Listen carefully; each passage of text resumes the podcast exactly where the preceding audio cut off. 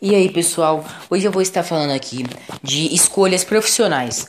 Como o próprio nome fala, escolhas profissionais é o ato de você escolher uma profissão. E dentre essas profissões é, estão as áreas de exatas, humanas e as novas profissões. Exatas são aquelas que utilizam a matemática. Tipo, tem o foco em matemática, que nem engenheiro. Engenheiro estuda mais matemática para ser engenheiro. As, as áreas da humanas utilizam mais a ciência, como a medicina. A medicina utiliza a matemática, mas o foco é a ciência. E as novas profissões? As, no as novas profissões consistem em pessoal que faz vídeo pro YouTube, live, é blogueiro de Instagram, entre outros. Eles gravam, fazem tudo pelo celular, depois postam.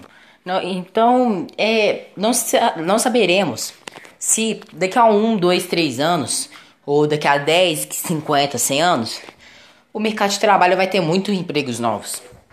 Com diversos empregos novos. Que, tipo, se é, tiver robô, alguma coisa assim, vai ter engenheiro de robô, etc. Então, o, as escolhas profissionais têm um amplo, é, tipo, é uma ampla escolha. Você pode escolher vários empregos. Então, é isso.